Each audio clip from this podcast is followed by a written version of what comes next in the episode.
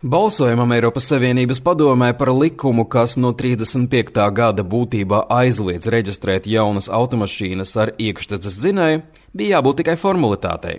Visi galvenie lēmumi šajā jautājumā tika pieņemti iepriekš, kad valstis vispirms vienojās savā starpā un tad ar Eiropas parlamentu. Tomēr Vācijas transporta un digitālās infrastruktūras ministrs Folkers Vīzings pēkšņi nāca klajā ar jaunām prasībām par e-degvielām. Mums ir vajadzīgas e-degvielas.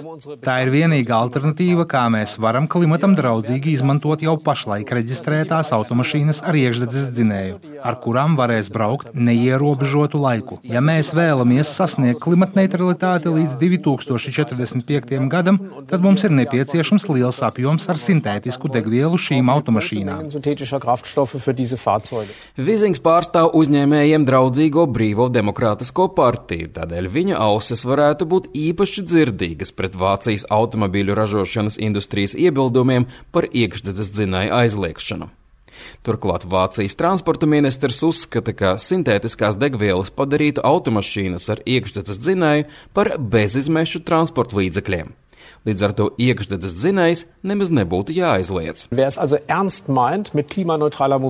Jebkuram, kas vēlas nopietni izturēties pret klimatneitrālu pārvietošanos, ir jāpatur visas tehnoloģiskās iespējas un tās jāizmanto. Mums ir nepieciešams liels apjoms ar e-degvielām, lai esošās automašīnas būtu klimatneitrālas. Tādā gadījumā iekšdedzes dzinējus varētu izmantot arī pēc 2035. gada, jo tajos lies tikai sintētiskās degvielas kraftstoffen betrieben werden können. Līdzīgu pozīciju tagad ieņem arī Čehijas valdība, kas arī ir satraukta par automašīnu ražošanas nākotni savā valstī.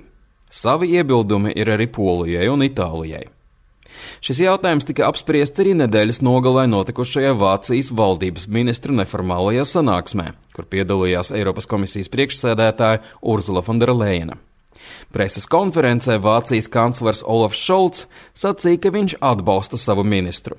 Tomēr pēc viņa teiktā diskusijas ir tikai par to, kā varētu notikt darbs pie sintētisko degvielu ieviešanas nosacījumiem. Savukārt Fonderleina vien piebilda, ka komisija neuzstāja, ka ūdeņradas vai elektrība būtu vienīgie risinājumi nākotnes automašīnām. Svarīgākais, lai jaunām automašīnām nebūtu izmešu.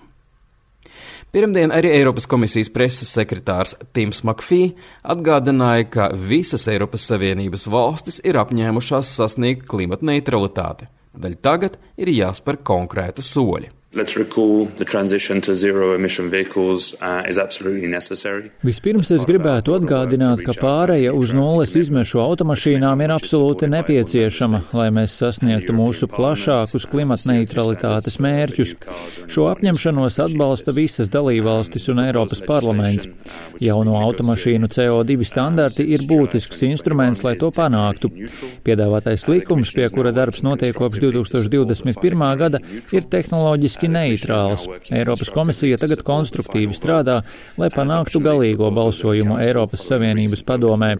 Mēs tiešām vēlamies paveikt to pēc iespējas ātrāk, ņemot vērā mūsu klimata mērķus un to, ka mums ir jādod investoriem skaidrība, lai viņi varētu pieņemt lēmumus un sasniegt šos svarīgos mērķus.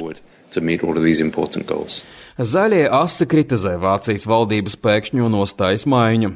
Šī politiskā spēka līdzpriekšsēdētājs Eiropas parlamentā Filips Lamberts paziņojumā presē nodēvēja šo par absurda teātri, kas smagi kaitē Eiropas Savienības reputācijai.